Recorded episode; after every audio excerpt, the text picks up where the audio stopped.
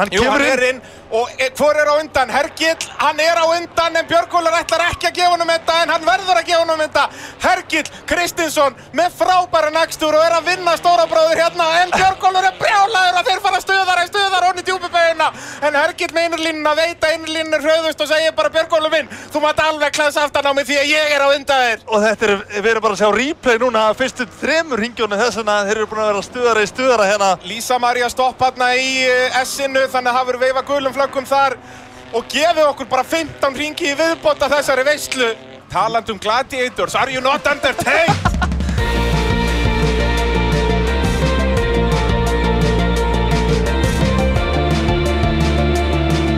Jú, það er mótorvarpið sem að heilsar í 155. skiptið. Bræði Þórasson heiti ég og er sjálfsögðu í Nóa Sirius stúdiói podcastöðarinnar í bóði AB varahluta á ferð og flugi, bíljöfurs, bílapunnsins og púst hjá Einari. Og eh, já, þátturinn í dag, þá ætlum við að fjalla um rallycross, nánar tiltekið aðra umferð Íslandsmeistaramótsins í rallycrossi sem fór fram, já núna bara í gjær. Við erum að taka þetta upp hér á mánudegi og gott ef við hendunum ekki bara inn núna setni part á mánudegi. Ég menn af hverju ekki að vera að festa sig eitthvað eh, við, við miðvíkudagssketsjúli þegar að það er allt að gerast. Svo kemur þáttur um rallið líka og allt í, í dásendarmálum. Jón Þóra sjálfsögum mættur með mér, hvað segir þú, elskan mín? Jú, jú, herri, Alveg bara sjálf það verið betri sem... Já, það er svo leiðis. Já, já. Lýst mér á þig og, og uh, við vorum náttúrulega saman í, í rallycrossinu. Já. Uh, ég þurfti að endur að yfirgefa þig þarna í byrjun, var að öskra á öðruvísi bílakeri ringi. Já, eitthvað sem enginn horfir á, ekki þannig, sko. Nei, það er enginn að velta sér upp úr uh, einhverju Formule 1. Nei. Ekki þegar íslenskt rallycross er annars vegar. Nei, það er bara málið, sko. Það er akkurat málið, en ég er að þjálfað upp í þetta. Ég, þú verður að vera, vera einn þarna í næstu keppni, sko. Já, já. Þá ætla ég að flýja landsteina og, og ætla að treysta þér fyrir þessu. Já, ég ætla að fara upp á braut uh, á einhverju æfinguna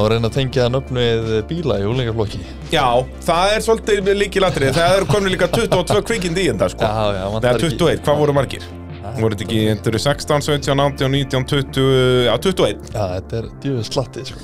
Já, alveg akkurat 21, það er agalegt náttúrulega upp á að, út af þá þurfti þetta að vera þrískipt. Já, nákvæmlega. Það er reglurnar bjóð upp á að megi vera tíu júlingar í braut, en uh, ekki bíl meira. Nei, og uh, það kom mér heldur betur óvart. Já, að það allt í einu kom þriðji reyðillin og þá bara, eh, heyrðu, þá eru þúsundflokkur eða býtum hvað er í gangi?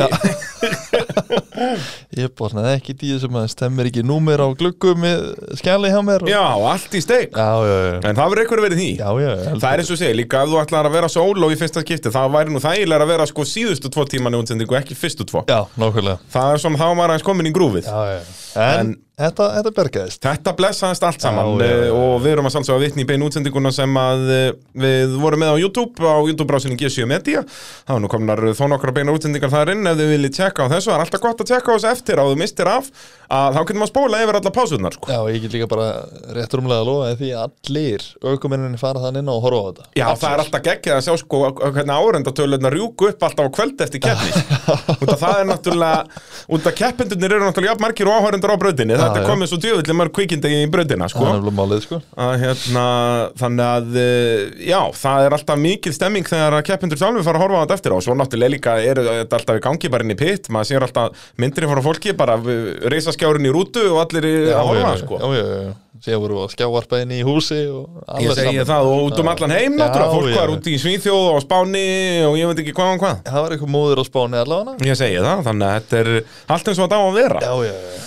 uh, Þannig að já, hvetjum fólk til að kíkja á þetta allt saman Uh, eigum við ekki bara byrja í úlingaflokki það er svona við hérna, spilum þetta yfirleitt þannig að, að eh, flokka þetta eftir, eftir flokkum. Nákvæmlega. og uh, það er náttúrulega stærstu fyrirtinu þar eru náttúrulega bara í fyrsta skipti í að ég er held svona 32 ár. Já, voru keppendur sem ekki komist í úslit já. þar að segja og ekki út af því að það var eitthvað bílir í að þeir mista rauðlum heldur bara þau náðu ekki árangri til að komast í úslit Já, slíkt er magnið af uh, úrlingunum. Já, út af það sem sagt eru bara 16 efstu sætin sem að gefa stig til Íslandsmeistara þannig að keppnisaldar ákveða þá að gera þetta þannig að skipti svo í 8 á 8 í á, á bíóúslit Nákvæmlega. Uh, þannig að það skildi þá eftir þarna fimm keppendur sem höfðu ekki nægilega góðan árangur til að komast í bjögúslitin Já, það Eh, kemur fyrir á bestu bæi. Algjörlega og, og í rauninni finnst mér þetta bara geggjað að, að hérna, auðvitað mjög svekkjandi fyrir þessa fimm keppendur en, en bara að sportið sér komið á þannig stað að þú þarf bara að, að vinna þér inn sæti í bjöguslitum Já, það er ákveðin styrlun sko. Já, og eins og ég segi, þetta var hérna þegar brautin var að koma fyrst og, og þegar allir var í grifjum hérna út um kvipin og kvappin fyrir það að þá gerðist þetta alveg að það voru bara 50 bílar í flokk og eitthvað og, og bara keppni þurfti að byrja deginum áður í, það var bara fórkeppni til að síja út sko. e, þannig að það styttist alveg í það ef þetta heldur svona áfram sko. Já, já, en, en það er að segja, já, en þau keppendur sem ekki komust í uh, bjöguslitin eru Helena Ósk Elvastóttir uh, Haldur Ólason uh, Demante Konoveite, Skúli Helgason og Sara Máni Högstóttir og svona Sara Máni myndi ég að segja að væri svona stærsta nafni þarna miða við að hún er að ég er held núna að byrja sitt þriðja tímabil Já, hún var heldur ekkit með eitthvað lélega úrslit þannig Nei, er þarna með 4 stig, 6 stig og 5 stig Já. uh, var þarna það alltaf, já, í kringum 5. sætið í rauninni Já, nákvæmlega Uh, og eins og ég segi, undir vennilegum kringustæðan verður það leikandi nót til að koma bara fínasta staði í já. en nú er það ekki nót til einu sem já, komast inn í þau Já, uh, en uh, já, Sara Máni náttúrulega hefur ekki samt verið að keppa heiltíðinbil, hún hefur litið að mæta einu og eina keppni þannig að Já, svona já, okkur minn vilja riðga þeins á milli sko. Já, það er möst sko að taka smá svona pásu og... já, en það er líka möst að maður þarf að halda sér heitum Já, það er nefnilega málið, sko. má ekki missa tötsið og Nei. sérstaklega þegar að flest allir aðrir er að mæti allar keppnir og alltaf vera betur og betri að, að sérstaklega í sjúlingaflokki að þá er þetta uh, hæfileikarnir eru svo fljótir að koma að, þú ert að læra þetta allt saman Skúli Helgason var í sinni fyrstu keppnir í nokkuð vissum Já, uh, þannig að skiljalegt að hann komist ekki að í gegn. Uh, kláraði ekki setni tvö hítin þannig að hann í rauninni þó að hann hefði verið með frábær úslit í fyrsta reyli hefði ekki skipt neinu mál út og verður alltaf að klára tvo reyli til að komast í úslit uh, og svo eru sagt þau tvö hérna Demante og Haldur Ólafs að keppi í sinni annar keppni byrjuðu bara núna í, í fyrstu keppni. Demante kom inn á annan bíl núna Já. kom inn á sérst gamla bílinn sem að Heiða Karin Fylkisdóttir var á. Já. uh, Ægó og, og hún var nú að fíla hann betur samaður heldur í Jarisinn. Já, en hún er sennilega að fara á uh, nýjan bíl aftur. Það er Já, miða við veltuna? Já, en ég minna hann tjónaðist nú ekkert svo mikið. Nei, svo sem ekki. Ég hugsa ekki, ég held að hann þið fari ekki Ég held að það þurfi ekki að skipta um bíl. Tók hann eitthvað Ég veit ekki hvað það heitir, eitthvað svona kickflip eitthvað flott. Já, sko, sko talandi um þessa veltu, eins og sé, Demante endar á að rúlla þarna, en þú veist, stóra spurningin það, var þetta velta? Þetta Er þetta flokk þetta sem velta? Veist, hún fer aldrei á toppin. Nei, þetta þetta var rúlla Já, þú veist, hún svona- rúlar eina rúllan kemur á framendan, skilur, og síðan lendir hún bara á Já, aftur dekkinu í rauninni. Nákvæmlega En þetta var mjög spes og, og gullfallit. Ég sástu myndina sem Bergur Bergsson Já, náða þetta var stendur bara Já, stendur bara á, bara akkurat 90 gráður upp í loft. Þetta var störla. Þetta er alveg frábært atriðið þar sko geggja dæmi þannig að hann vantaði ekki svona grindina og, og hérna svona kvartninguna á Demandi, hún síndi það líka alveg fyrstu keppni að maður sá alveg að þetta er svona eina af þeim sem á eftir að verða hröð nokkuð fljótt. Veist, hún á eftir að gera mistök og Já, gott að blessa já, já. en, en hérna, hún hefur með DS lausnir fyrir aftan sig þannig að það er að græja allt og hún rúst öllu sko. Nákvæmlega. Og hérna, þannig að ég bara hvet hana til að halda þessu áfram í rauninni að vera svolítið á limitinu, þá finnur limitið fljótar. Já, þú vilt, vilt keira alltaf á limitinu. Alveg já. sama, þú veist, í hvað aðstæðum Já, nema, nema en náttúrulega bara undir Já, en náttúrulega þegar þú ert að læra þetta þá náttúrulega er mjög erfitt að finna 100% Já, já, Það þú ferði er nánast 100 ómögulegt. 110% og veltur. Já, og síðan bara ertu kannski og eftir það bara föst í 80% Já, skilur já, já. að- að Þetta er, þetta er strempið verk að vinna. Já, já. En Demante er mjög lítrikur keppandi og verður gaman að sjá hvað hann gerir í, í framtíðinni. Uh, Haldur Ólafsson, uh, svona öfugt við Demante, var ekki mikið í einhver húllumhægi Nei, Hann var að keira sína ringi og auka hraðan jæmt á þér Já, já. að fara svona hinn áttina. Þá er mitt verið gaman að sjá hversu fljótur hann verður upp á hrað þú veist að sjá, út af þannig erum við að sjá svolítið þessar tvær mismunandi aðferði sem hægt er að fara. nákvæmlega. að vinna sig hægt og rólega upp á 100% og Nákvæmlega. eða vera að flakka upp á milli 120 og 80 skilur þannig að, að eh, já, þau voru allan á svipum stæðin þessari keppni þannig að erfitt að meta út frá þessu. Já, Uh, og svo Helen Ósk Elvastóttir uh, á sínu öðru ári en uh, var frá að hverju fyrsta riðli og þá í rauninni fara sigur líkurnar svolítið út um gluggan það má Já. rauninni ekkert missa af riðli. Það er náttúrulega sko upp á úslitin að gera gilda náttúrulega bara tveir bestu. Þannig að skiptir ekki öllu máli með það. Nei, nei. En uh, með Íslandsmeistarattíðina þá náttúrulega eins og segi, fær hún e engin stíð í úslitum og, og já, þessir krakkar sem við vorum að minnast á hér uh, öll bara með í kringum uh, já, tíu stíg, minn það bil Já, sem er ansið dýrt. Já, já, vissulega. Vissulega, virkilega svona dýrkefta að missa út þessi dýru stíði sem maður fær í úrslit. Já, og hérna og sérstaklega þegar maður horfur á það að, að toppökum er náttúrulega að næla sér í þarna já, 50 pluss stig eitthvað svo leiðis, eitthvað í kringum 50 stig. Þannig að, en þetta er náttúrulega snýst meir um að safna reynslu og, og gera og græja. Já, já, Uh, en með þess að 21 uh, bíla í, í brautinni að þá náttúrulega voru bíóuslitin líka bara hörku spennandi. Já, hörku sko þá vorum við komið með bara svakalega góða ökumenn þar sem að svona undir venlum kringustæðan ættu að, að fljúa inn í áslit Já, já, Uh, Sigurgeir Guðmundur Elvarsson uh, í sinni annari keppni. Uh, hann var þarna, Guðmundur Ívarsson sömuleiðis, uh, sest á sínu fyrsta tímubili önnur keppnin. Og Eiti Sanna Jóhannesdóttir. Mm -hmm. Bergrún Fönn Alexandersdóttir uh, sömuleiðis, það eru þessi fjögur nöfn sem eru sest, já, að byrja sitt fyrsta og, Já, og já. komist í bjóðslit og voru að standa sig bara með stakri príðu þarna. Sigurgeir sérstaklega vinnur sig upp í þriðasættið í þessum úslitum já, gerir virkilega, virkilega vel. Og, og Bergrún fönn sömuleiðis uh, að vinna upp eða sérst bæta upp hraðan hægt og, og rólega og nær þarna. Ég held að hann sé þriðja sæti í öðrum riðli og svo í fjórða sæti í þriðja riðli. Já, gerir, og í rauninni bara svekkjandi að ná ekki sæti í aðalúslitunum já, hún var búin að vera að kera virkilega vel og alveg augljós bæting frá fyrstu keppninni þar á, á þeim bænum Já, hún er komin upp í svona, hún er í svona 90% honum. Hún er Já. að dóla þar núna Akkurat, akkurat uh, Guðmundur Ívarsson, hann náttúrulega vel- lendir í að velta bílnum í, í síðustu keppni og maður sá alveg að það var greinlega strategíin hérna að aðeins að skrúa sér niður. Og, hérna, og bara mjög sniðut í rauninni. Já, já, hérna, það gengur ekki að rústa bílnum í hver einustu keppni og, og Guðmundur slapp nokkuð vel í, í, í, í gær. Já, sem betur fyrr Já, sem betur fer. Uh, Og Eiti Sanna Jóhannesdóttir á, á Justinum uh, Gekkja þriðasætti í fyrsta riðli Svo vorum fjórða og svo fynda uh, Þannig að hún endaði í bíóslutunum sömu leiðis Og uh, endaði þó í bíóslutunum Var hún í fjórða sætti sínit mér Þannig að uh, Bara mjög svo lit ára okkur. Ég er bara svona stígandi einhvern veginn í henni svona hvernig hún er að kera meðan við fyrstu kemna og svona smá svona riði eitthvað fannst manni sko Já, eða svona, þá er náttúrulega bara í sinni fyrstu keppni og hérna, en augljóslega búin að aukar hana núna, í fyrstu Já. keppni var bara hefur maður rétt næstu í verið að ringana Já, já, já, og þú veist, núna er hún komin í slægin og eins og segja, hann bara þriða seti fyrsta riðli og allt að gerast. Já, já, það er bara teipað inngjöfuna í gólfu Já, nákvæmlega, sko, Gunnar Kall hefur verið að fylla við þetta. Það er svo leiðis, þetta er náttúrulega sýstir Gunnar Kall sem að var að vinna rallið um helgina. Hann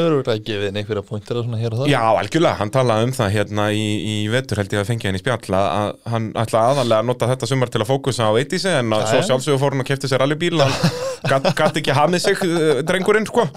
En, hérna, en hann er búin að tala mikið um það að, að hann ætlar að vera aðal kennari Eitisar Já, já, Uh, Lísa María Erlendsdóttir, mjög lítilgur keppandi á, á sínum fagur bleika Ægó uh, hún sömu leiðis svona á miðju tímabili fyrra eða svona já, setna þetta tímabili sem fyrra þá held ég svona hún væri að fara að taka stóra stökkið áfram. Já, það hefur ennþá ekki alveg gest ekki alveg. En, en hún er orðin miklu meira svona confident í, í wheel-to-wheel racing finnst mér, Já, það er ekki þú veist, þegar hún var að byrja í fyrra eins og nýlegar oft eru að það er bara um leið og var í kringum hann þá einhvern veginn panikaði og, og, og, svona, og misti stjórn og eitthvað svona, já, það er alveg farið þjó henni. Já, já, en nú vantar rauninni bara að mínum að þess bara betri ringtíma í rauninni. Að þetta er komið svona pínu reiskraft og allt þetta. Nákvæmlega. En þetta er náttúrulega, pældu í hvað þetta er flókið þarna, þú ert að mæta 14 ára upp á braut. Já, kant liggur við ekki að keira bíl. Þú ert kannski búin að keira eitthvað smá okkur í bílaplan eitthvað staðar og mæta á eina æfingu eitthvað. Náttúrulega svo sem í reglum að verður að vera búin að mæta á eina æfingu og læra þá að keira bíl þannig ok, þú kant á kúplinguna og svona dót. Síðan mætir í keppni. Og þá þarftu að læra reiskraft þú ert, í kringum, þú veist, alltaf nýju bílar í Já. kringu þig og þú þarft að keira Já. og þú þarft að vera að telja ringi og fara í jóker og vesenast þú þarft að læra hvernig á að vera í sóknarakstri Þetta er nefnilega bara að sko. Og hvernig á að vera í varnarakstri bara þetta er, ég get ekki ímynda mér þetta. Nei, þetta er, er meira en að segja allavega Já, bara, og ég er alltaf að tala um sjálfa mig þessu sammingi skilur út af því að ég þurfti, eina sem ég þurfti að gera var bara að læra að keira Já, og svo já, bara keira hraðar og hraðar skilur ég þurfti ekki að vera í neitt svona einhverju reiskraftdæmi eða og ég var samt í tómubasli með þetta sko. Og ég tel mig samt alveg að hafa verið nokkuð góðan nákvæmlega. Þannig að, að, að sjá þessu úlinga, þetta er bara, maður þarf stundum að taka eitt svona skref aftur á bak og bara, wow, að algjörlega styrla. Það er rosa, rosa svona steikt að koma upp á rallykursbröð þegar maður hefur ekki hort á þetta, ekki fylgst með þessu. Fara að segja hann að keira og þú varst alltaf að taka hérna jókering og veist ekkert hvað er það lendi ég í Já, já. það var mjög grillað aðrið sko. Ég- hvað, hvað er jóker? En hvað, var það bara búin svona að nefna það við þig bara eitthvað, heyrðu, já, svo mannst þetta jókertum og þú ha, ha, ég var bara á startlífunni og ég alveg bara er ekki bara að keira eitthvað 5-6 ringi og eitthvað Jó, og taka einn jóker og ég bara og byrju, hvað ert að spyrja bara ræsin út í þetta? Það var, einhver, var þetta einhver liðinu þínu? Já, það var bara stráku sem var með mér upp á. Ok, ok, og hérna, ég, veist, ég var að fara út á ráslunni var í byð, byðröðinni já, og hérna, hann eitthvað, já, og síðan tegur bara einn jóker bara svona einhvern tímann já. Ég er bara, ha? Hva, hvað er það? Hvað ert að segja? En uh, það blessaðist ágætlega Já, þetta, þetta kom á endanum. Já, já, já Uh, Karitas Birgisdóttir, uh, hún stóð sig dásamlega í bjóðslitunum og náttúrulega bara ótrúlega svekkjandi fyrir hann að komast yngi í áherslitin Já. uh, náttúrulega klárar ekki annan riðilinn en samt sko er með þarna 15 stig Já, sagt uh, samtals uh, úr tveimur bestu hinum tveimur sem hún kláraði uh, sem að var bara alveg á mörkunum að komast inn. Ég held að það var uh, þetta, það voru 15 stig. Já. þau voru þarna nokkur jöfn á 15 já, og þá er reglan bara sagt hver stóð sér betur í fyrsta riðli og síðan ef að þau voru jöfn þar út af náttúrulega mismunandi holl þá geta margir verið í öðru seti ef þú ert í mismunandi já. að þá er það tími tímatökum. Þannig að það er Já, alltaf eitthvað já. sem að gefur út að það er, getur engin verið á sömu millisekundinu þar. Já. jú, starffræðilega er það möguleik þannig að þá þurft að skrifa nýja reglu ef það gerist. Það er- virkilega ólíklegt Virkilega. Já, ég minna miðaðu hvernig, nú erum við tvær kemur búin á þessu tímubili og við höfum verið allavega með held í fjögur fotofinnis sem að ég hafði aldrei séð áður fyrir þetta tímabil.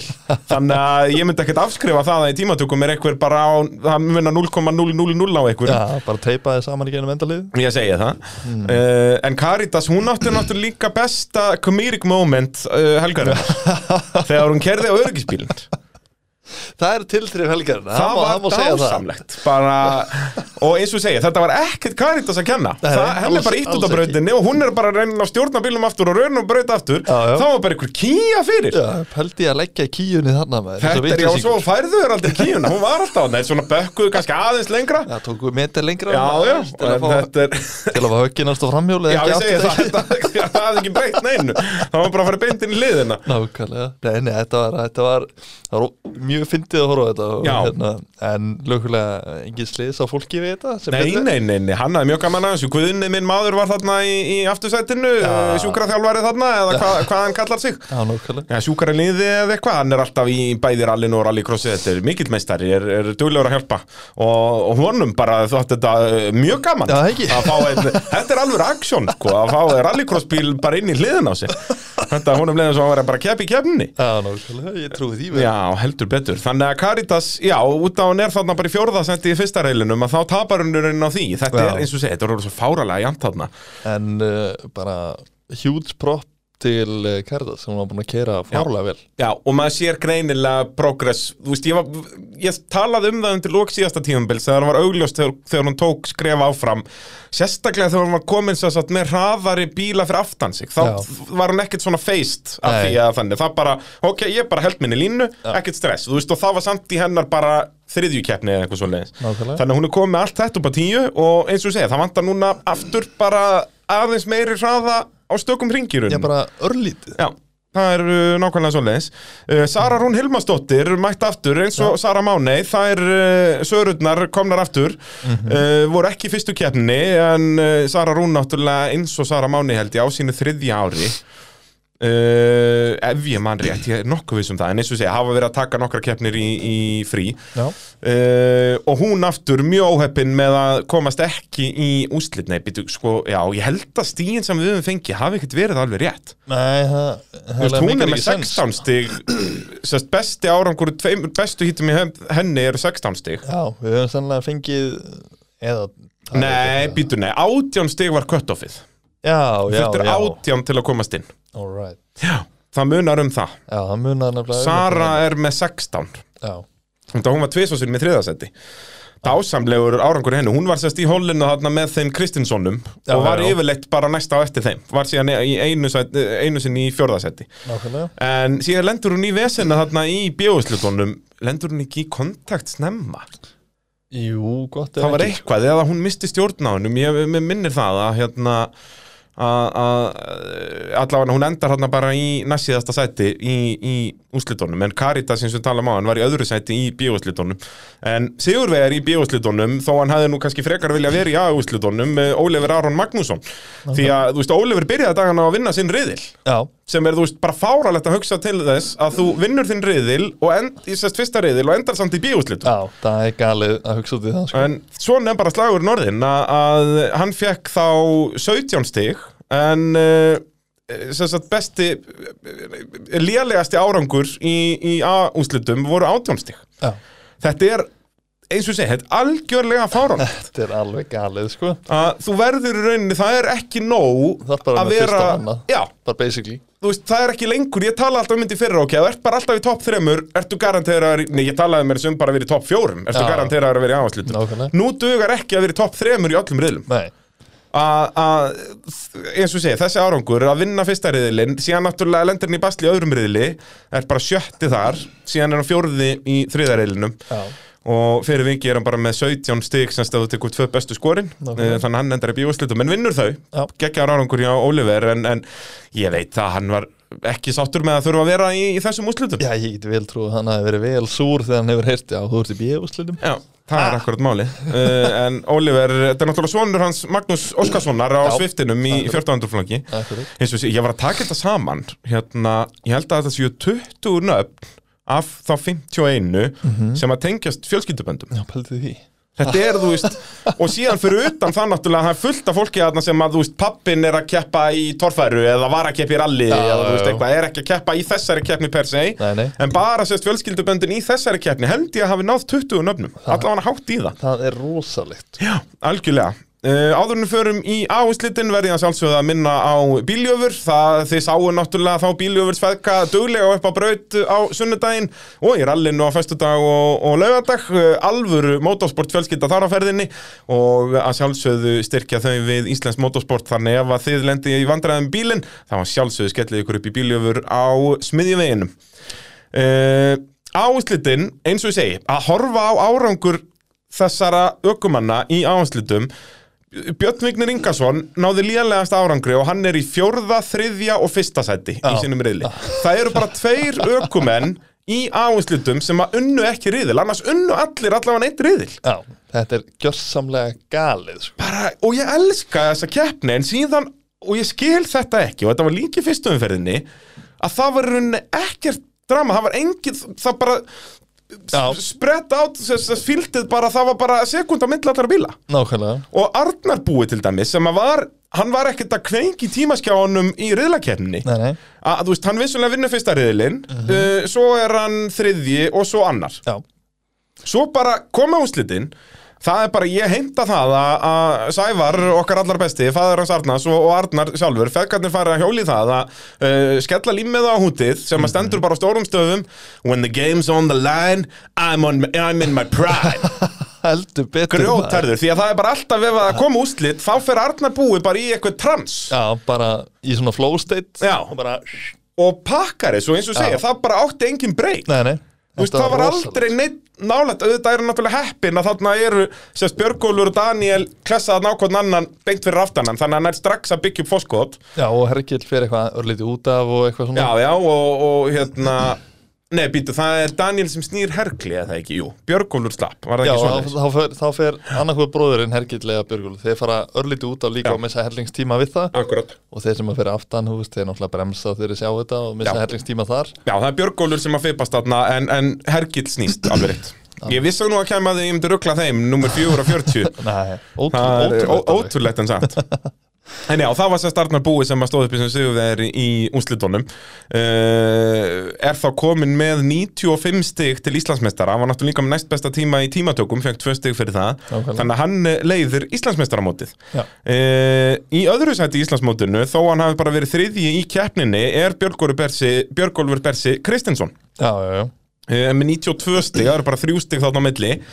Og þetta verður nefnilega svo geggja þegar að fyrir að líða tímabili þegar að, þú veist, eins og í loka keppnin er snild að sjá hvernig staðan í Íslandsmónduru breytist bara með hverju riðli. Að það er rosalega spennandi og eins og segi, bara þrjústig milli þessar að tvekja núna og ég tala ekki um ef þetta verið að skipta þessu þrjú nákvæmlega. Að það er alveg nógu spennandi að sjá sko þegar að tveir kannski bestu geta verið að vinna Já, já. þannig að þeir eru alltaf jafnir. Nákvæmlega. og svo lendir ykkur í holli með öðrum sem er að berjast um titilinn og þá getur við að stela stigum af öðrum Já. og allt þetta, þetta er, er sturladæmi. Þetta er alveg galið sko. Og, en Björgólfur, já, þurfti að setja sig hann á þriðjasætið uh, í úslitum uh, Daniel Jökull Valdimarsson uh, varð annars uh, og er þriðji í Íslandsmótinu með 87 stig uh, hann var með hraðasta tími í tímatökum Já. en uh, vann ekki riðil fyrir ný þriðja riðli hann Já. endar í öðru, þriðja og svo fyrsta Það var aðeins með keira sig í gang, hægt og rólega aðeins að, svona, að koma sér í grúfið svona. Algjörlega, en, en frábær keppni hjá Daniel eftir að, að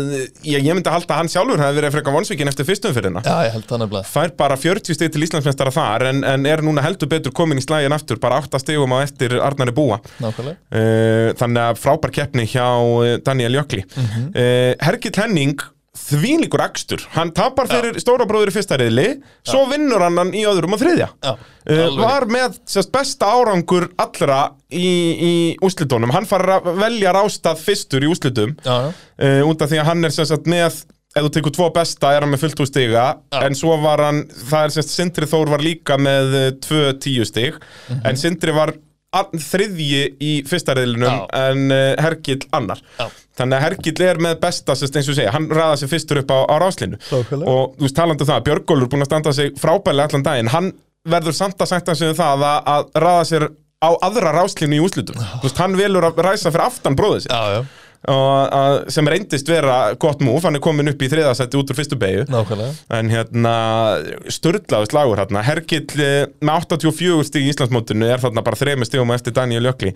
Og enn og aftur verði að minnast á það að Hergill er að keppi í sinni annari keppni.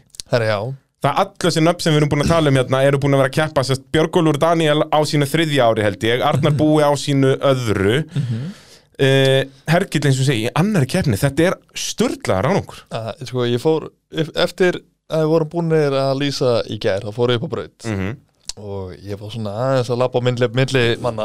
Já, og þegar ég, fara, þegar ég er á leiðinni út af svæðinu já, þá heyr ég einhvern kalla Hergil, Hergil eitthvað, að garga eitthvað. Og ég held, hm, hvað, hvað er þessi Hergil þegar að leita á hann og maður er eitthvað að leita sé bara einhvern gutta. Já, já. og ég, þetta er ekkit Hergil Þetta er ekki en sem var að horfa hérna í allan dag Hva? ég held að það væri bara stálpaður bara þrítugu kallmaður þess vegna sko. Já, við skulum halda hestunum okkar, hann er Já, úlingaflokki já, vissulega. En þegar einhvern veginn kerði, þá ég bara, það er ekki sens að þetta sé gaurinn. Nei, veist, þetta er bara, þetta er einhver krakki, hann var ábygglega að borða sandi í einhverju söngkassa Og ég fer upp á það bara, ert þú Hergil? Geggjaðu maður. Bara, já, bara, heyrðu, þú ert besti ökumæðurinn sem við varum að fylgjast með allan dag sko. Bara nice to meet you. Bara geggjar og þú veist, ég var hann að keppi í rallykeppni á föstudag og lögadag, sko. Þetta var þryggjadaga helgi á okkar allar besta, sko. Rosalegur.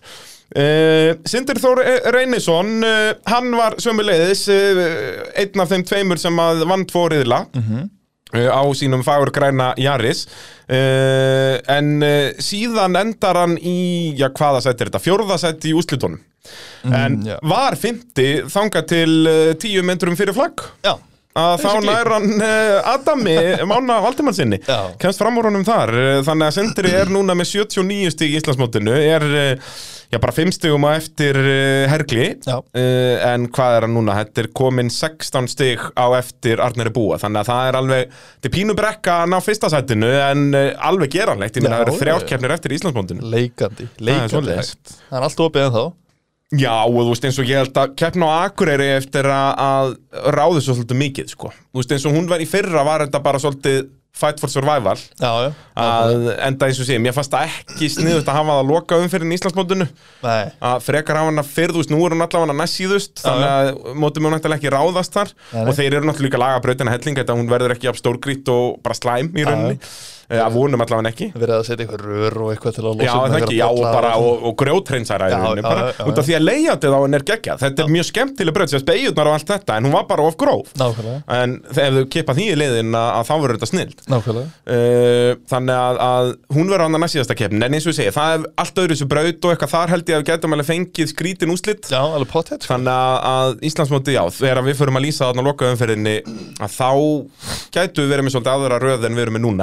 Hver veit? Þetta er náttúrulega hörkukum en allir sem við erum búin að minnast á hérna og, og Adam Máni Valdimarsson bróðir Daniels, uh, erum hérna með tvö setta bræðrum að berjast á topnum uh, Daniel og Adam og svo Björgólfur og Hergill. Uh, þetta er bílapunkturinn gegn bílamálunum Geisli. Og einhvern veginn bara bá, þú veist, bæði bræðarsett bara á sama kalibri sko. Já, og á nákvæmlega sama aldri út af því að Adam er að gera nákvæmlega sama og Hergill hann er að byrja núna. Nákvæmlega. Þannig að hérna, virkilega gaman að þessu og Adam er þannig í þriðasendi fyrsta reyðlis og öðru og öðru, bara geggjaður árangur en verður að setja sig hann á fymtasendi í úslitunum eftir að, já, Sindri náði fjórðasendin af honum á, Já, já. á síðustu tíu metrónum Nákvæmlega. Alveg hreint uh, geggja dæmi. Uh, Kristján Örn Jakobsson komst í áherslitin núna ef ég mann rétt komst hann ekki áherslitin í síðustu kefni Nei, mér minnir ekki. Mér minnir ekki, þannig að uh, skref áfram hjá honum og, og hann áttur að byrja daginn mjög vel, var í öðru sæti og öðru sæti í, í fyrstu tveimurreilunum Mhm. og hérna hvað já, hann var í reyðilega var það ekki með Oliver og Sindra? Þeir voru svona þrýr bestir þar, Jú, minni minnir það. minni það frekar en Já, uh, hérna, og Oliver vinnur fyrsta reyðilin og svo vinnur Sindri næstu tvo Uh, en Kristinn er þá þarna í næsta sæti á eftir Adami í úslitunum Mhm. og honum á eftir eh, kom svo Björn Vignir Ingarsson aftur frábær árangur honum að komast í eh, á úslitin, hann Já. er á sínu öðru ári, ég held að hann hafi með þess að byrjað á miðjum tímabili fyrra, hann hefur ekki náð öllu tímabilinu ef ef ég mann rétt. Uh, Sónur hans Inga Más Björnssonar í torfærinni uh, Ingi Már vantarlega bara bissi með honum upp á braut þess að hann var ekki að keppa í Nóri eins, og, eins, og allir, allir torfærukallarnir Já, já Ég þurftum líka að fara að fá hann Jakob í spjallina. Við þurfum að fara yfir þetta geti verið bara þryggja þátt að vika í mótorvarpinu Hvernig væri það? Fá, fá torfæru, rally og rally cross. Þetta er, þetta er rosalegt. Gæti Eh, ekki verið mikið betra. Gæti ekki verið mikið betra. Uh, En uh, Hergill eins og við talaðum á hann Náttúrulega endaði í síðasta sæti í úslitónum Eftir þetta atvik þarna Og kannski tölum aðeins um þetta atvik þarna Milli Daniels og, og Hergills í fyrstu beginni í Nákvæmlega. Þú veist, ef þú ætlaðir að setja skömm á þetta Þá er þetta miklu meira Daniel að kenna heldur en Hergli Já, og þetta er einhvern veginn bara svo Þeir eru svo óhefnir með staðsendingu á bara öllum bílum sem að lenda í einhverju þannig Já, og þetta eru, ég held að það séu að fara þrýr væt hann í gegn Já. og það bara mun alltaf einhver tapa. Og eins og segi, ég, ef ég hefði verið dómar þarna, ég hef aldrei dæmt á þetta. Nei, að, nei, nei, hérna, og sérstaklega með svona hvernig línan var dregin yfir daginn. Að, hérna, þannig að já, bara racing incident og, ótrúlega svekkjandi fyrir Herkil en ég meina Daniel hefur miljón sinnum lent í þessu sjálfur að vera sest í stöðunni á Herkli skilur nákvæmlega. Að þú veist svona atvik á endanum núlast alltaf út sko. Þetta er einhvern veginn, þú veist að Hergill er að taka þrengri línu í gegnum beiguna og Daniel kemur inn í víða línu. Já. Og Daniel náttúrulega verður líka, það eru vörubíla ekki inn í beigunni, hann getur, ef hann myndi beigja lengra til hægri veltur á bara bílnum, skilur hérna, þannig að, já, svekkjandi fyrir Hergil en, en Daniel nýtti sér þetta og endaði þarna í öðru sæti og er komin heldur betur í slægin uh, á topnum í Íslandsmótinu. Nákvæmlega. Uh, en áhugavert að sjá, þú veist eins og Oliver Aron sem var í bíóslitum út af því að hann stóð sér vel í síðustum fyrir, það er betur en margir aðri sem komist í áherslit núna að uh, Oliver er með 65 stig í Íslandsmótinu sem að setur hann í sjötta sætið, sínist mér. Sæti ofar en Adam. Já, hann er undan Adam í Íslandsmónduru Samkvæmt og sérst, já, bara svo að það sé tekið fram hér að þetta er alveg takit öll, þessu öllu með das af krytti Já. Að hérna, þetta er, þetta er raun okkar útreikningar. Við fengum sem sagt riðlastíin öll frá stjórnstöðinni þannig að þau er alltaf að vera rétt. Og úslitin eins og sí og þetta á að vera, það er kannski eitthvað eitt eða tvö stygg stiga frá það sem við ruglumst á einhverjum nöfnum með eitthvað. En eins og ég segi, ég er, ég er 95% á því að þetta sé svona. Bara smá fyrirvari. En uh, að öllu líkitum Öllu líkitum Það er svolítið svoleiðis. Uh, Hérna Þá erum við búin að kofera úlingaflokkin uh, nokkuð vel. Uh, Mótorvarpið að sjálfsögðu í hugulegu samstarfi við AB Varahluti. AB alltaf að auglýsa núna nýja samstarfsaðila sem að þau eru komin í lið með þannig að það er bara flóran er alltaf að aukast þarna. Já. kom með alla mögulega varahluti sem þau geti mögulega vantaði í bílið já, já, já. Allt saman. Og svo náttúrulega geggjuð box og verkfæri og, og, og málunarvörur og, og allt sem að tengist því líka sambapír og grunna og allan pakkan geta blanda lit beint á brúsa og, og já, það er fátt sem að AB varaldur geta ekki græja fyrir þig ef, ef þú ert í bílavandræðin Já, bara name it Það er svolítið þessu. Þetta er, uh, við kofurum allt hérna í mótavarpinu. Ef að þú hyggst alltaf græja bíliðin sjálfur, ferðu bara í AB, AB varahluti, kaupi varahlutin og verkværin og málingun og allan pakkan. Já, já, Ef þú nennir því ekki og bílinn er bilaður í, í vélbúnaði, skellur þér upp í bíljöfur. Ef að hann er tjónaður undanverðinni, að það þarf að í réttingu á málun, þá fer upp í bílapunkt. Uh, ef að pústið er bilað í honum, þá skellur þér sömulegis upp á smiðjum og ferð upp í púst hjá einari. alls. Og, þá, og, og, og ef að bílinn er það tjónar að þú getur ekki kert hann upp á smiðjuveg, eða getur ekki kert hann upp í Reykjanesbæ, þá bara heyrir ég að ferð á flugi og þau flytja hann fyrir þig. Já, blessa, var þetta er rosalegt. Ná, Uh, eitt sem ég langar að koma inn á, þannig fyrir að tala um þúsundflokkin, er, og það er alltaf núna aðal umræðefnið er hvað þetta tekur langan tíma. Þú veist, keppnin núna var að klárast rúmlega sjö. Uh, byrjum klukkan 1 og mér skilst nú að í næstu keppni ætla að reyna að byrja klukkan 11 þannig að þetta sé að klárast 5 ef við erum á þessu dampi nákvæmlega ég taldi ræsingarnar Mhm. ekki alveg, ég er ekki alveg með töluna á öllum endurræsingunum líka en ég er nokkuð vissum að þetta hafi verið 41 ræsing Sem er sturlun. 41 kappakstur keirður á 6 klukkutímum. Já, þar leðandi 30 rístört í 1400 flokkinum. Já, ég segi það, inn í þessu voru náttúrulega Þú veist, við tölum inn það í hlénu bara, heyrðu, þeir ná að vera að klára bara um 6 liti. Já, já. Svo kom 1400 flokkurinn og sagði, fuck you. Já, basically, sko. Það var alveg veistla sko. en, en eins og ég segi bara ótrúlegt að hugsa um þetta og þú veist ég mann bara þegar vorum að lýsa mm.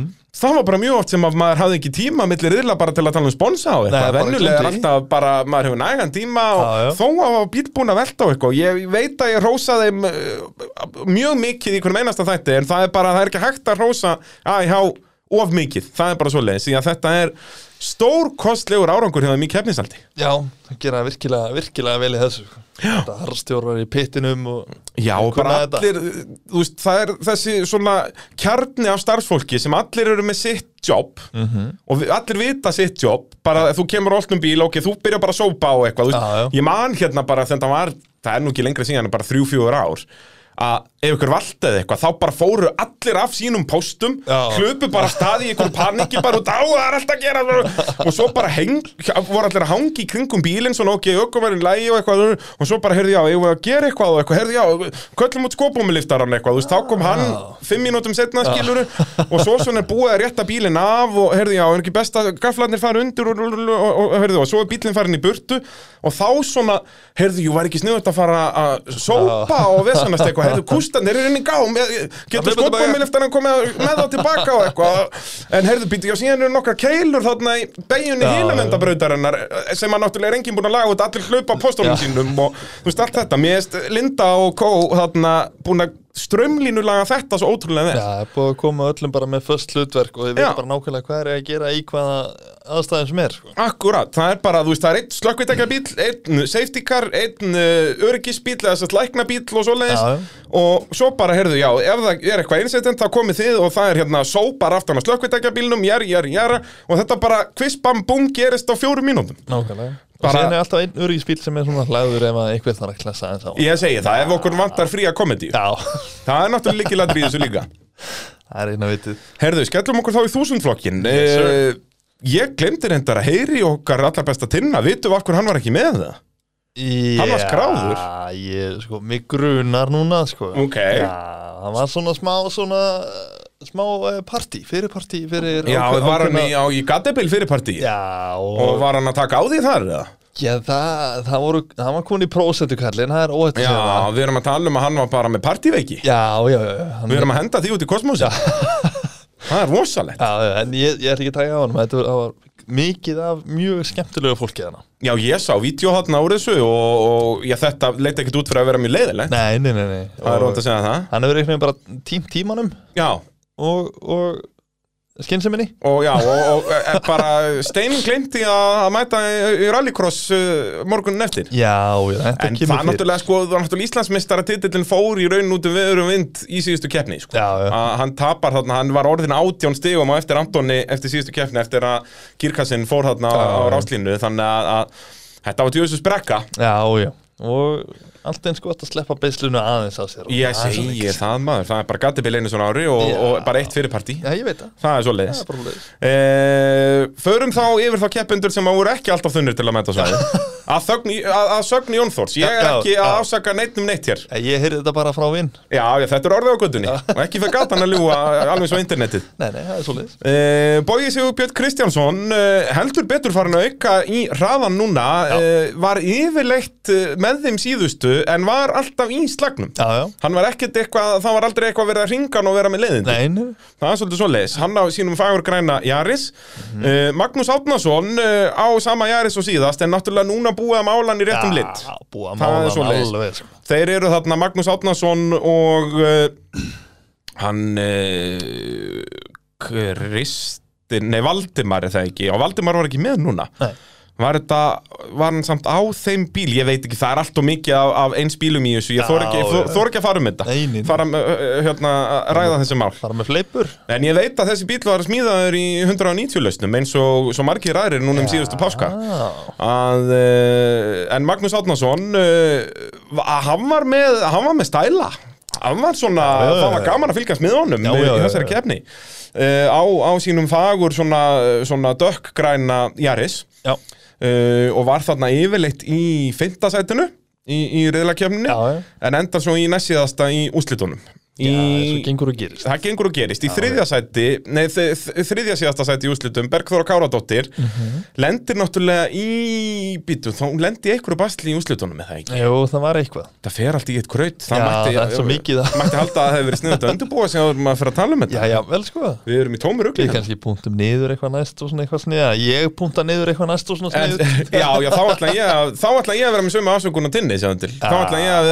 niður eitthvað næst og svona En, sniður já, já, þá ætla ég að, þá ætla ég að vera með sömu ásökun á tinni, sjáum til. Þá ætla ég að vera, já, rauninni á sunnudeginum sem keppnin er, ætla ég að vera þunnur í, í, í rauninni að, að laga þingu með meira alkohóli. Já, eins og maður gerir og bara við eitthvað stöðuvatn í Svíþjóð sennilega á bara stuttbuxum í tómu rugli sko Það er ánæðið með þetta það verður einhver að vera í því Já, sko já, já, Ég já. bet er enda agalegt, ég lofaði sjálfur mér í februar að ég myndi aldrei fara aftur í helvitis Kokkólminn sem ég ekki sé að kalla Stokkólm Uh, nema hvað að bara mánuð eftir að ég kom heim frá Race of Champions Já. að þá var ég búinn að bóka afturflug til ekki en ég sem betur fyrir bara að fara að stoppa á flugvellinum og svo kemur félagið minn og keiri minn beinustilega út í Nákvæmlega Þannig að það er, ég get þakkað Guð og öðrum vak- váttum og öllu saman bara á heilugum öndum fyrir það. Já, já, já, Ég já. þurfa ekki að dúsa í kokkólmunum í aðra nótt, uss bara. Ég myndi ekki óska mínu vestu óvinn upp á slíkt.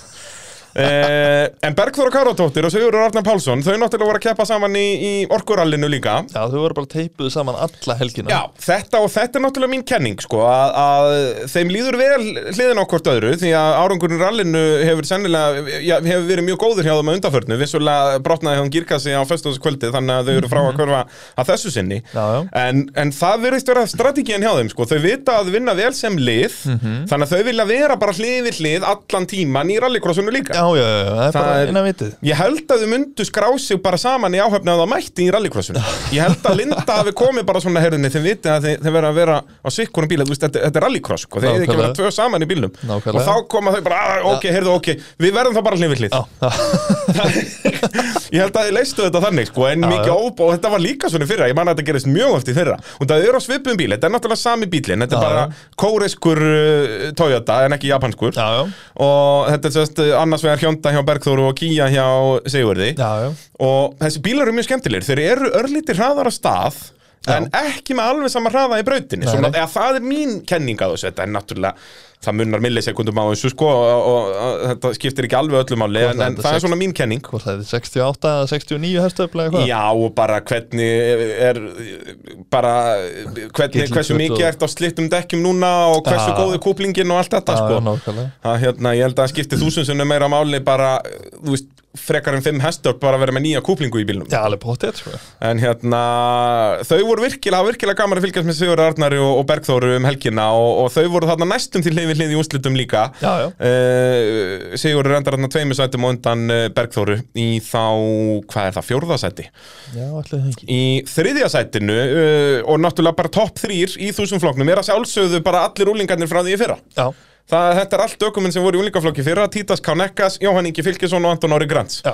og þetta sýnur bara sannar ennina ferðina, við sáum þetta í öllum keppnum í fyrra, að úlingarnir voru alltaf hraðar í tímatökum heldur en allir í þúsundflokk Mhm. og nú eru úlingarnir komnir í þúsundflokkin og þeir eru bara að setja punktin yfir í á þessari kenning. Já, já, já, alveg pott það er bara, það hægist á ökumönnum við að fá bílpró Já, það er bara það er bara, og ég, og ég er ekki einu sem að segja þetta í gríni, ég held að þetta sé bara scientific fact. Já, það er ekki, maður verður svona, maður, svona meira svona að keiri svona með einhverju, einhverju siðferði í huga eitthvað, einhverju Já, og bara, þú veist og ég hef nú sagt þess að sögu margóft áður í, í motovarpinu og, og mun halda áfram endur taka mig hér þar sem að þetta nú komið upp í þátt 155 og ég lifði lífinu bara einu sinni í motorsporti Jú, jú. en, þannig að ég á bara alltaf eitt sett af, af hetjusjóð en þú veist ég manna það er eitt af því fyrsta sem ökukennarinn sagði við mig var að taka vinstrifótinn af bremsunni. Já, nákvæmlega.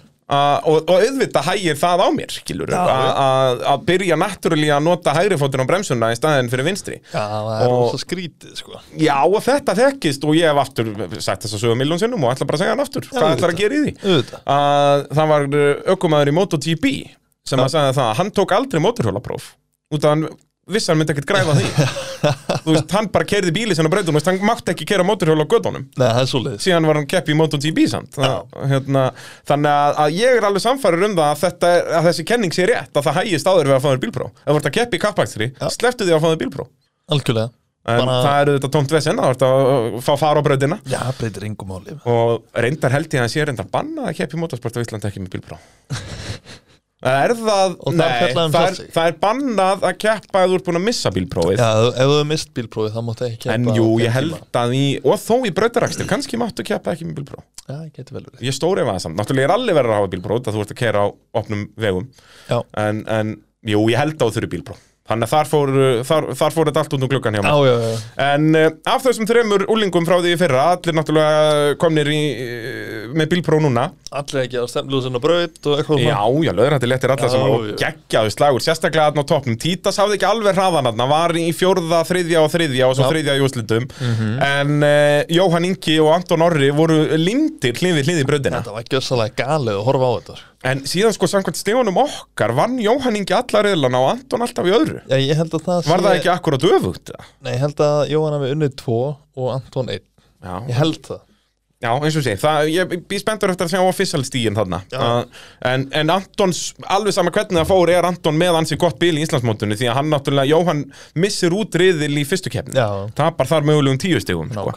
Og Anton var síðan líka hraðar í tímatökum græðir eitt auka stig þar Mhm. og vinnur síðan úslitin græðir þrjú stig þar þannig að uh, Anton frábær helgi á honum Mhm. uh, Jóhann Ingi var að senda sig við annarsæti en það var þarna, það var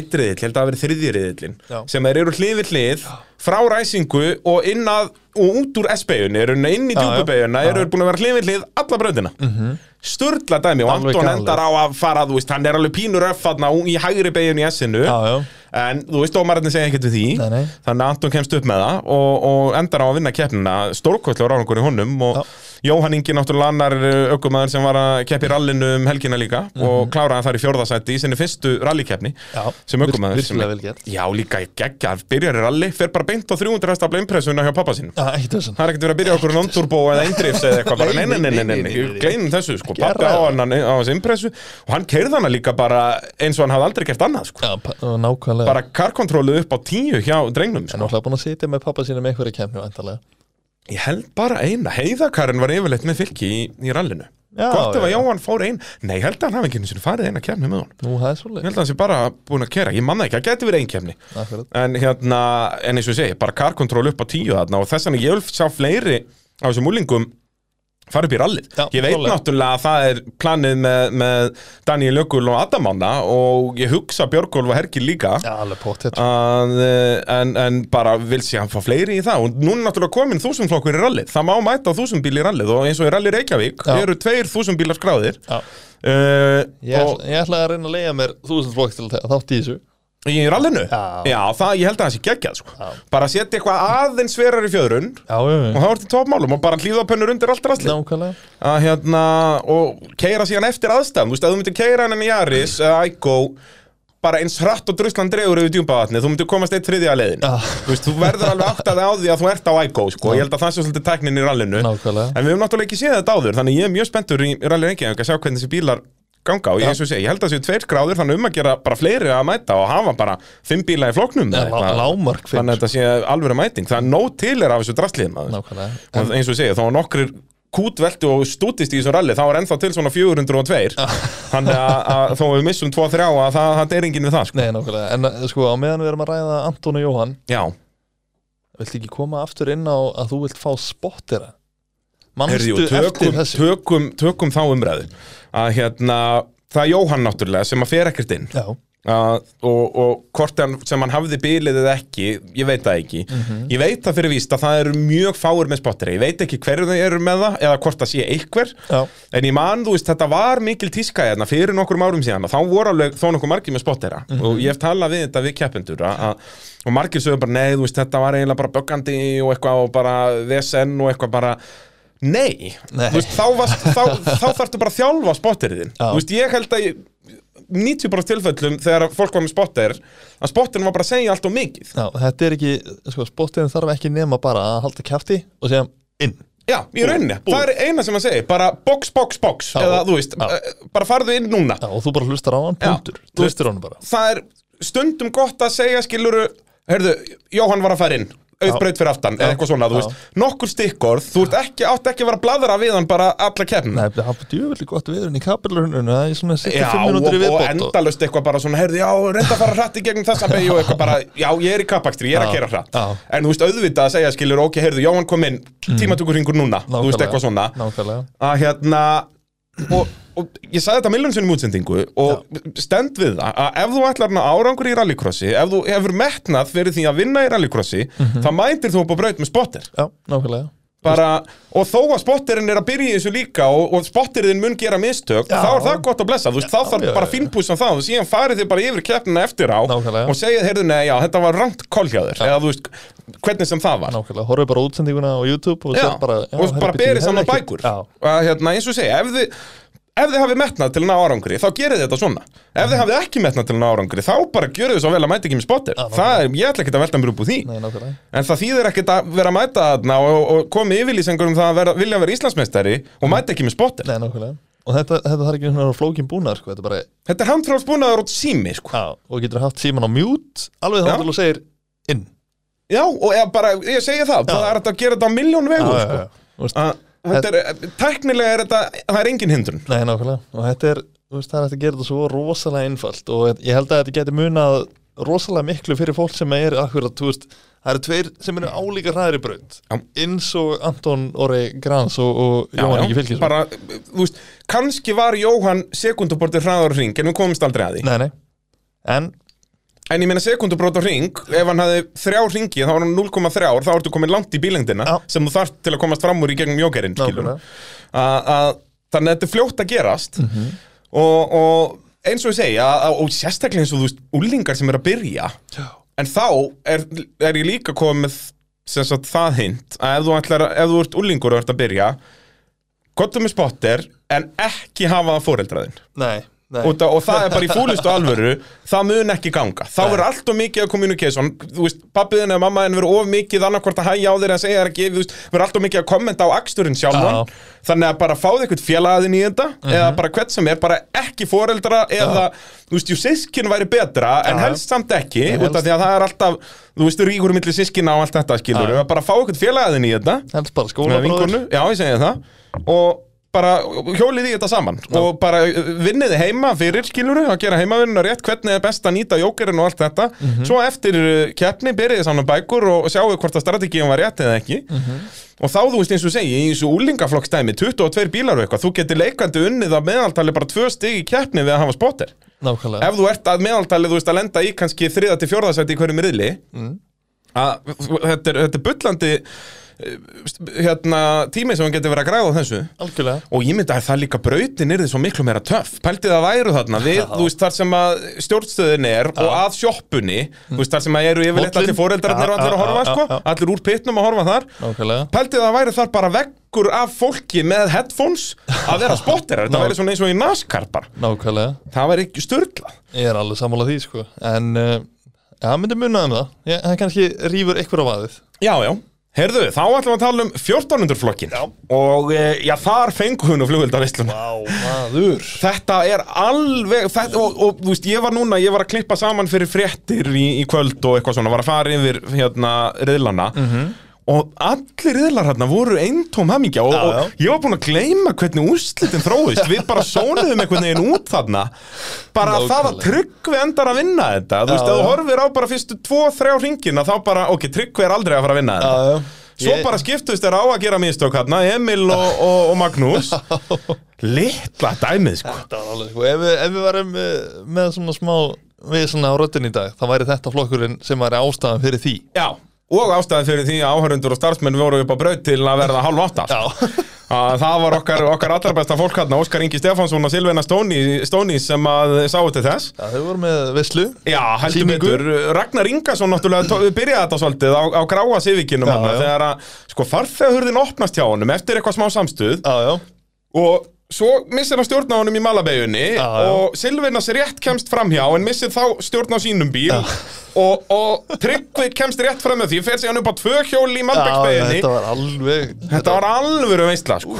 Og svo í úrslitunum náttúrulega fengum við miljón enduræsingar En í riðlakeppnum var náttúrulega Sindri Már Axelsson uh, í algjörum sérflokki. Já, Og algjörlega bara þessi keppni myndi mig á og bara hvað ég hef saknað hans í, í sportinu Því að hann er, og síndið alltaf þegar hann kefti Ég held að hann hafi ekkert kefti fyrra, kannski eina, tvær keppnir. Í hitti fyrir að kefta hann mjög mikið. Já, já, að, hérna, og var alltaf geggjaður og bílinn greinlega mjög vel uppsettur og, og vélinn góð og allt þetta, þú veist, bílinn að þrjusu vinna. Algjörlega. Að maður sá alveg munin á góðri og lélegri hondu með að við, þú veist, Sindra og Eirík Kristinn, þú veist, bílinn á Eiríki orðin velasinn, en það búið að nota hann svolítið. Já, hann fekk aðeins að finna fyrir því Já, og bara búið að finna fyrir í bara síðustu 10-15 árin, sko. Þetta er vel lifað inntak, skal ég segja þér. Já, já, það er líka bara allt í fína. Já, en þá langar mér að tala, nú, mér langar að fara að tala um afasamma hluti, Jón Þór. Já, Það er það sem ég langar að fara að ég er gera. til Eh, Sindri Már Axelsson er dæmdur úr leik Já. í úrslitum. Já, Uh, fær þar að leiðandi að ég er held 0 stig uh, Já. ég veit ekki hvernig reglunar eru með þetta hann uh, vissulega ræsti á staðin er síðan dæmdur úr leik hvort hann fái 0 stig eða hvað ég býð eftir að sjá uh, úrskur domnefndar með það og bara stíðin til Íslandsmeistara uh, en hann er dæmdur úr leik fyrir að klessa þarna á aftur bretti Magnúsar Óskarssonar. Já, og snýð þar að leiðandi Magnúsi. Já, uh, sem að er reglum samkvæmt brot. Já, já, og alveg sammála því. Já. En við höfum séð bara í þessari keppni ábyggilega 5, 6, jafnvel 7 atvik sem eru jafn slæmið að verri en þetta.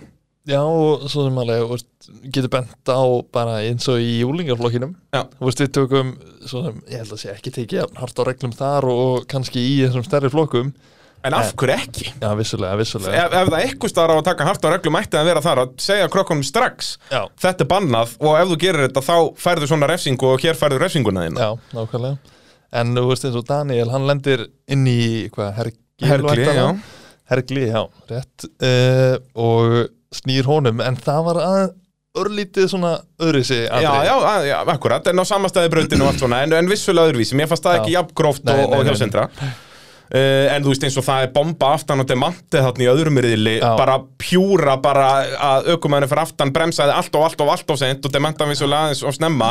En bara demanti gæti ekkert gert, skilur, það var bara pjúra aftan á kistla Nákvæmlega. og allavega svo mér vitandi var ekki dæmt. Kannski var dæmt á eitthvað svo við bara fengum ekki já, upplýsingar það gæti vel verið, sko. gæti vel verið. En, en Au- í mörgum tilfellum var augljóslega ekki dæmt út af því að það var síðan enduræsing og, og viðkomandi að enduræsa en ekki dæmt hann úr leik. Já. þannig að þarna finnst mér alltaf að vera aðeins meira consistency í, í dómunum. Já, þetta Já. var svona ekki byrja á því allt í enn í úslitum í 1400 flokki að dæma á, á aftanákesslu sem er búin að vera að gerast allan daginn. Nákvæmlega, við vorum aðeins að klóra okkur í hausnum þegar þetta var að ske bara af hverju, hvað, ha, Já. af hverju sindrið að fara út?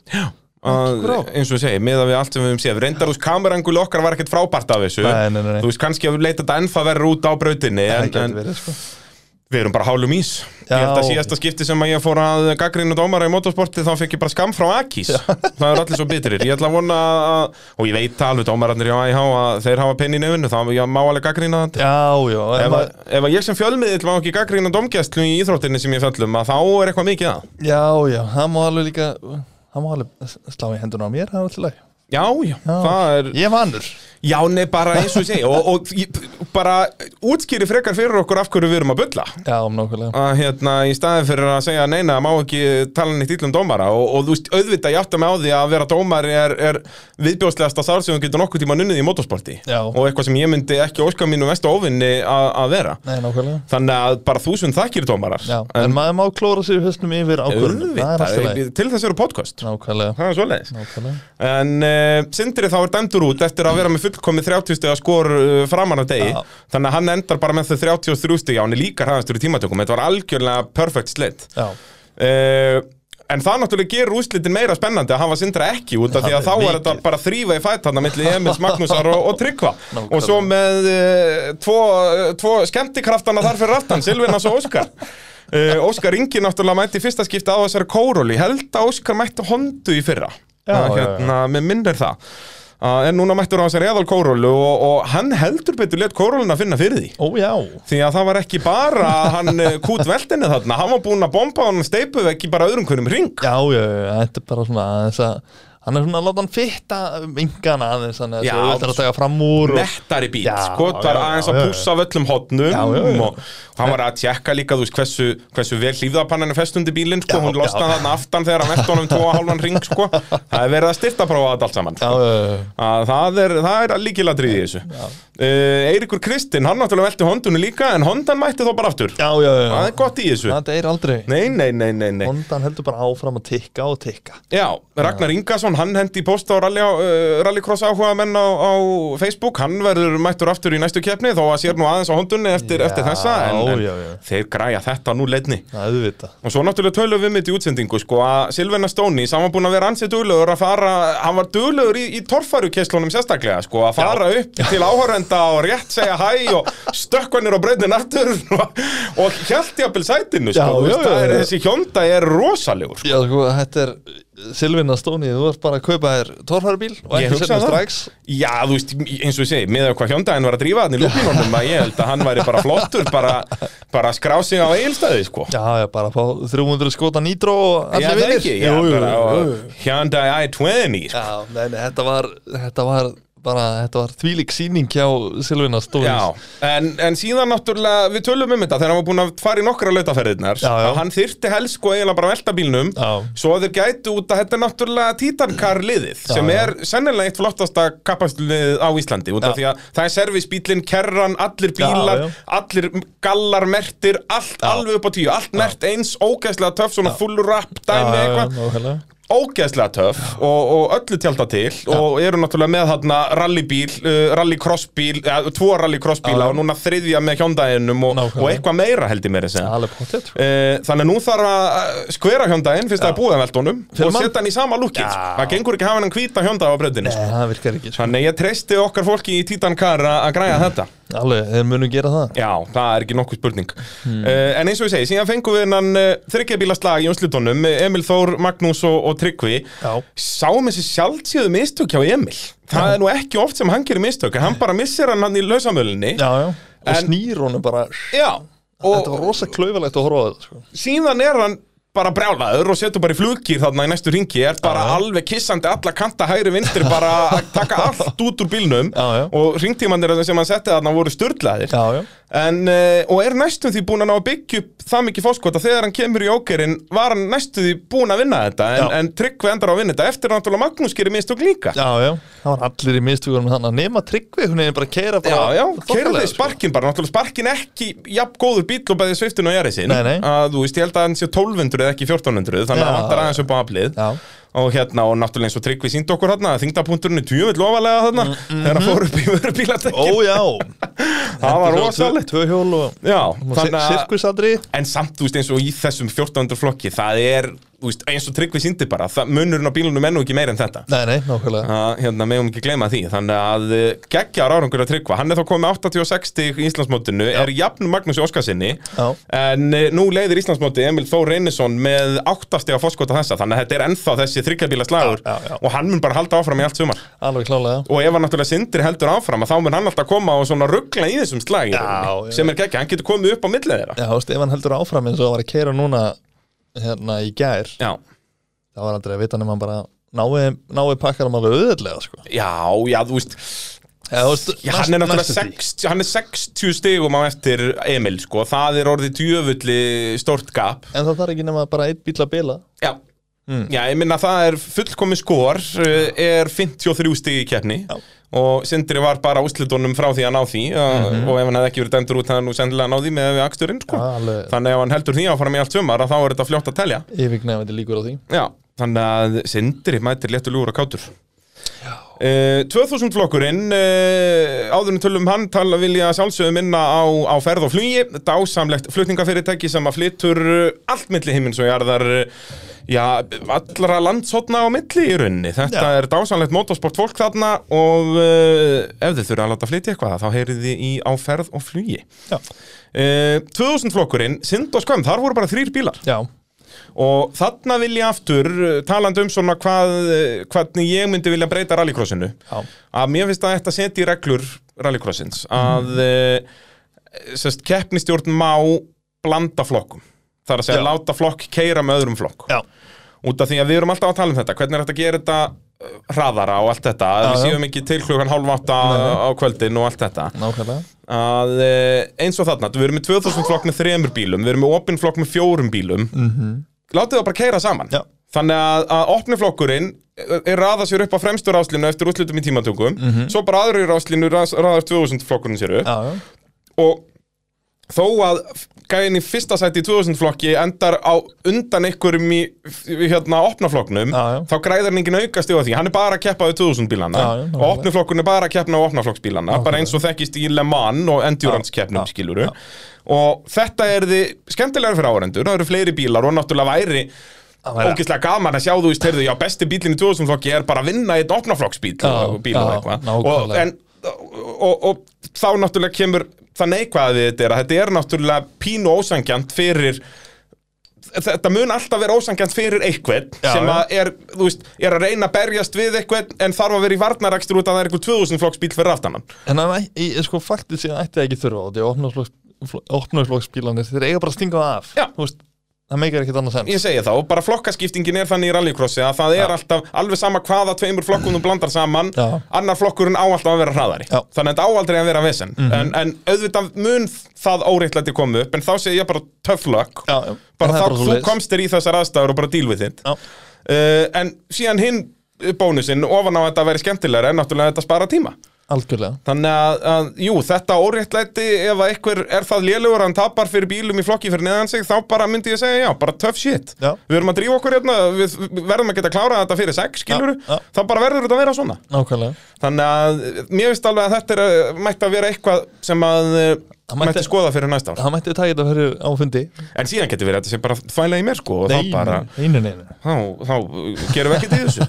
En, en tölum um 2000 flokkin, þar voru náttúrulega eins og segi, bara þrýr bílar. Já. og uh, Yngvi Björn Birgisson uh, með fullkomi skor. Já, 53 stig, uh, hraðastur í tímatökum vinnur allar reyðilega og úslitt 10, 10, 10, 20 Já, en þetta náttúrulega leita ekkert svakalega vel út til að byrja með því að uh, með næstraðasta tíma í tímatökum Hilmar Pétursson, að hann náttúrulega leiti fyrsta reyðilin, Já, en tapar þessu bara þarna gerir mistök upp úr SB-unni já, já. Gerir örlítið mistök og, og missir hann og Yngvi, hann er ekki lengi að stökkva og Nei, þú mátt ekkert gera mistök með yngva í speklunum, Nei, það er bara svoleiðis. Það er bara nákvæmlega þannig. Þannig að, að Hilmar uh, svekkjandi fyrir hann þarna og, og hann þarf eitthvað að skoða kórólina, hann er allt og hægur að stað. Já, það, Ef hann væri bara á pari við yngva í ræsingu þá værum við með rosalega slag hérna. Já, það er Það verður að finna út úr þessu út í að, eins og ég sagði í gær Yngvi er að byggja upp þvílíkt forskot bara á fyrsta ring Já, á fyrsta munar. reyng er hann komin með ábygglega tvær sekundur eða eitthvað leika, sem er leikandi, hellingur í rallycrossi. Leikandi sko. að hérna,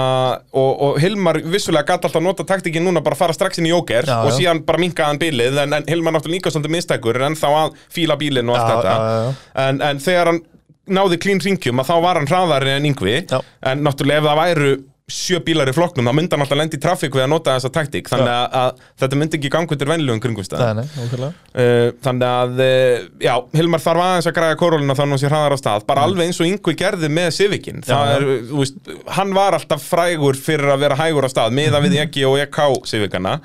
Og núna er hann búin að græja það að mestu Ég held nú að EK og ekki séu ennþá hraðar Mér minnir að vikar var alltaf á undanum eins og í síðustu keppni Já, í já. ræsingum. Eða svona ef að vikar var ekki í basli Þeir eru örlítið léttari held ég Já, og bara Örlítið. það er eitthvað við þá, skilur Já, að- já, að- En, en þú veist, núna er komið eins og hjá Ingvar, komið landskontról og, og búið Já. að gera og græja, þú veist, að búið að vinna í þessu bara. Og, hérna, en síðan Ásker Ingvarsson á Del Sol bílnum sem er geggjað apparat. Geggjaðu bíl Ég skoða hann í gær Já, hvernig fannst þér? Þetta er störtlað, þetta er náttúrulega allt bara úr einhverju áli og eitthvað, þetta eru bara Já. álplötur og svo bara plastframstæða og eitthvað. Nákvæmlega, sko ég fór og kíkti á hann og Já. það var ekki lengi, það var bara hent mér inn í bíl Já, Inn með, inn með, inn með Komstu inn í bílinn? Já, leikandi Það er svoleiðis? Leikandi No plás. En uh, það er rosa fílingur að sitja inn í þessum maður er svona liggur í sætinu Já, þetta er bara eins og að vera í go-kartbíl.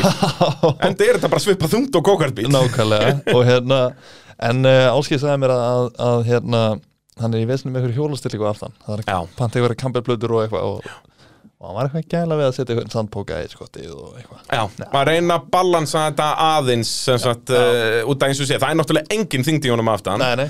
En hvernig er, þú veist, er vaskasinn aftur í, er eitthvað aftur í, er bara rafgeimir og eitthvað? Uh, mér síndist ekkert vera neitt að vitið hann aftur í sko, væri það þá kannski ekki frekast niður að frekar en að fara að þingja bílinn óþurfu En þá náttúrulega þarftu svo sem að vera smíða vasslagnir og eitthvað, það er bara gert til að, það er hannað til að feila sko. Já, nákvæmlega. Það er Nei, að bæta við vastælu og eitthvað nei, Þetta er bara blessa, bara skottið Sandbók í skotti og máli stendur. Og, eða, eða nokkuð kíló að blíi og allir Já, vinnir bara taka gamla góða triksið að fylla Já. vara, varahjólaskálina af steipu Já, eða væri varahjólskál Já, í ef það bílum væri svoleiðis, það er náttúrulega búið að skera allt fyrir aftan afturdekkin bara í burtu. Já, Það já. er engin, ekki, bara ekki neitt það Nei, nei, nákvæmlega. En hérna, þetta sturlað apparat, já, Gunni Bjarna og, og Teddy smíðu þetta á sínum tíma. Það var náttúrulega ennþá svalari þá, þetta, þá var hjút, það var bara afturvængurinn og maður var í jafnstóru á Formule 1 Hefur þið séð myndir af því? Ég var að Já. senda það, það er sturlað sko. Og gott ef hann var ekki líka með eitthvað splitter framan á eitthvað, þetta var rosa dæmi sko. apparat sko Og hérna, en, en geiri augljóslega ennþá að finnpúsa bílinn og eins og ég segja, það þarf bara þegar þú kaupir svona apparat þarf bara smá tíma til að tjúna þetta basically bara Já, svolítið niður já, já. byrja á einhverjum bara venjulegum punkt og fara síðan að vinna sig upp aftur sko. út af náttúrulega þeir Gunni Bjarna og þeir, þeir eru alltaf ljósárum og undan í allir svona hugsun sko, og það þyrfti bara eitthvað bókald til að vita hvað þeir voru að gera við allt þetta dót sko.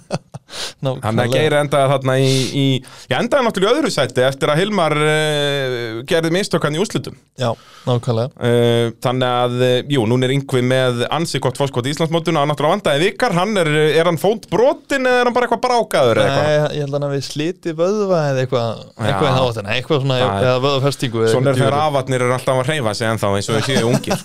Hann verður eitthvað að segja manninum að hann er orðin afi sko. Nákvæmlega. Hann náttúrulega haga sér eins og hann sé 18 ára en það, þegar þú hittir hann myndur að halda að hann væri 18 ára. Já, já, En uh, það, vöðvarnir í löppunum segja nei. Já, það er málið Uh, í fjóru sinni fjóru flokki þar uh, var ég að vonast eftir þessum eðal þryggjabýra slag í öllum riðlum. Við fengum það ekki alveg. Ekki alveg. Þröstur Jarl, Birgir Kristjáns og Jakob Pálsson allir á áþekkum bílum. Mhm. uh, byrjum bara á Jakobi Pálssinni uh, tvær veltur á sama stað.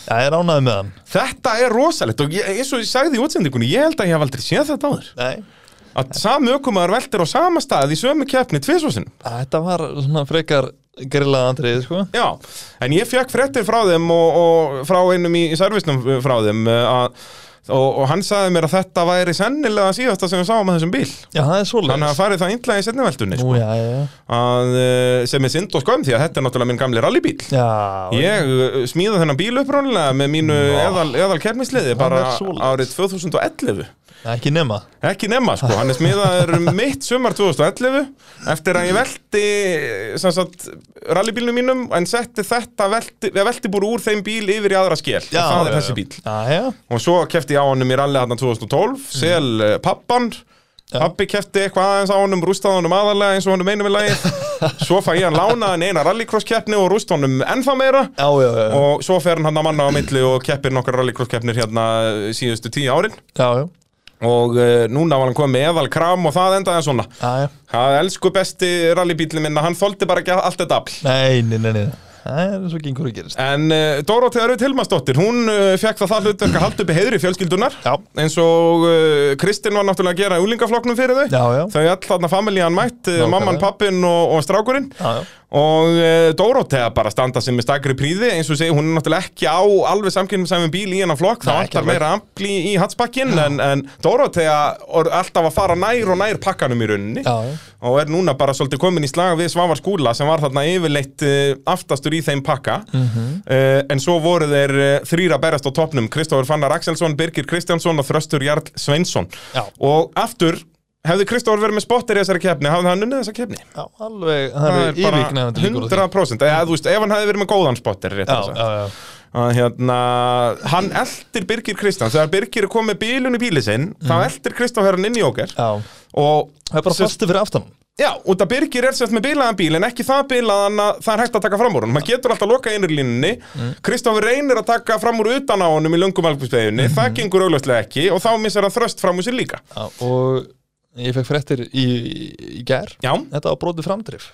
Hjá Birgi. Birgi, já það er svoleiðis, hann endaði bara eftirdrifun Já, Ok, yes. Þannig að hann var á afturdrifun impressu. Já, já. Það er enda grjótart af mig Ég gæti, ég gæti hafa orðið ákveðin flugveldasýning þar. Já, en það hefði nú reynda þá tjöfull vel gert hjá Bygga að halda honum bara á brautinu að vera, þú veist, á 300 stafla afturdrifun impressu á slikkum á blöytri möl. Það er eins og segi það er, það er djöfullu mikla hæfileika til að ná að keep that under control. Já, virkilega vel gert hjá Birgi. Já, og uh, nælir sér þá í uh, 20 stig sem hún veittir nú ekki af eftir að hann fekk bara þrjú stig úr fyrstu umferðinni. Já, Uh, þannig að hann er svona aftur uh, já, aðeins komin í slæðinu um Íslandsmeistaratitilinn uh, þröstur með uh, nokkuð gott fórskot með 96 stig þar uh, 11 stigum á undan uh, Kristó já, Þannig að það eru svona aðalega þeir tverja að berast um titilinn en, en svo eiga þeir alveg séns. Svavar Skúli með 66 og Byggi Já, já, já. með 55 já, já, leikandi sko. og tímabili rétt að byrja, bara tvær keppnir af 5 búnar. Við veitum það að pressunar, það eru, eru bílónu gernar Þannig að það er allt opið sko. Óli Tryggva lendi nú í heldur betur í vandræða með hennar bíl á síðasta tímabili. Þess vegna vinnur hann ekki Íslandsmeistaratitilinn Já, í fyrra, þannig að, að hérna, heldur betur að það er þegar búið að tjúna þetta svona mikið að þá Já. þetta vill þetta bara bila meira. Þetta er alltaf istu nöf maður. Já. Allt. Uh, opniflokkurinn, uh, endum á honum og minnum að sjálfsögðu á púst hjá Einari á smiðuveginum ef að þú þarft að láta smíða púst í, í bílinn og já, já, það er bara rétt sjóð í það. Ef þú fekst ekki skoðun eða eitthvað þá er púst hjá Einari að sjálfsögðu fólki til að græja það. Uh, Í opnaflokknum, eins og við tölum á hann, bara fjórir bílar en það stoppaði nú ekki slægin uh, sérstaklega kannski milli Subaru og hann að tvekja hjá Baldri Arnari Hlöfvesinni og Birgi. Guðbjósinni Því líkt og annað eins. Já, og uh, já, Baldur gerir sem lítið fyrir og vinnur alla reyðlana Já, Uh, Birgir er í öðru seti fyrsta svo lendur hann bara í síðasta seti í öðrum og svo þriðja í uh, þriðja. Já, uh, Geta Skarpa Vicius á sínum geggjaða Polo var í uh, síðasta seti öðru og öðru. Mhm. uh, og svo í öðru í úslitum því að náttúrulega úslitin voru svakaleg. Já. Steinar Nói Kjartansson var þarna í þriðja, þriðja og síðasta. Já, endaði svo síðastur í úslitum en það var náttúrulega út að þeir lenda saman hann Baldur Arnar og Steinar. Já Og sko, þetta var einhvern veginn Þetta var svo steikt aðrið sko, Steinar einhvern veginn Svona, hann klessir örlítið inn í Baldur Örlítið. Já, og Baldur inn í Steinarjun Mér fannst þetta, þú veist, þegar maður horfir framan á þetta fannst mér þetta alveg pjúra racing já, já, sko. alveg 100% sko, 100% Uh, en, en Baldur var brjálæður hérna Ég fekk, uh, hann Kristján Einar var á brautinni sko, og hann horfði bara inn í bílinn og Batti hann refsaði þessu stýri í þessum bíl þegar hann var fastur upp í lúpinu dekkaði rugluna hérna sko. Ég trúi því vel. Að hérna, og hann náttúrulega beigir líka stýrisenda við þetta þannig að hann klárar með bílinn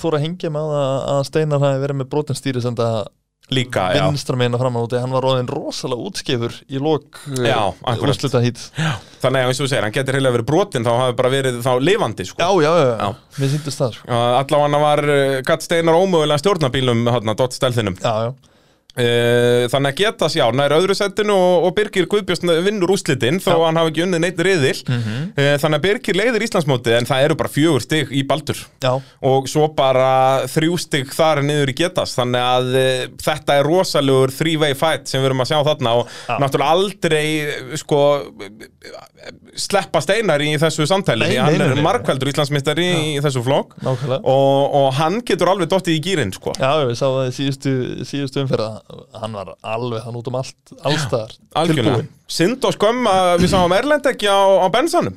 Já, ég sá hann til söl Já, já, það náttúrulega gengur ekki sko. Það er hann þarf að mæti næstu keppni og, og, og skemmta okkur og áhörundum já, það Þótt að bílinn hefur sölu, þá má alveg keira hann. Já, nákvæmlega, það þarf að nota dótið. Nákvæmlega. Þú veist, eins og í síðustu keppni, hann var hraðastur í tímatökum. Já. Það er bullandi hraði í þessum bíl Já, já. Það bara þarf alltaf að smella. Nákvæmlega. Það er svolítið svoleiðis Tal, uh, Talandi um hraðaði bíl, Baldur Já, þetta, þegar þetta apparat virkar þá heldur að- betur virkar það Hvað er að gerast? Þetta er einhver 500 hestar, það Ég- getur ekki annað Ég verið hef aldrei séð, já, flottan framrúðastur á þessari braut og þegar Baldur tók fram og getas í öðru hitti eða fyrsta. Fyrsta riðli, fyrsta riðli, já.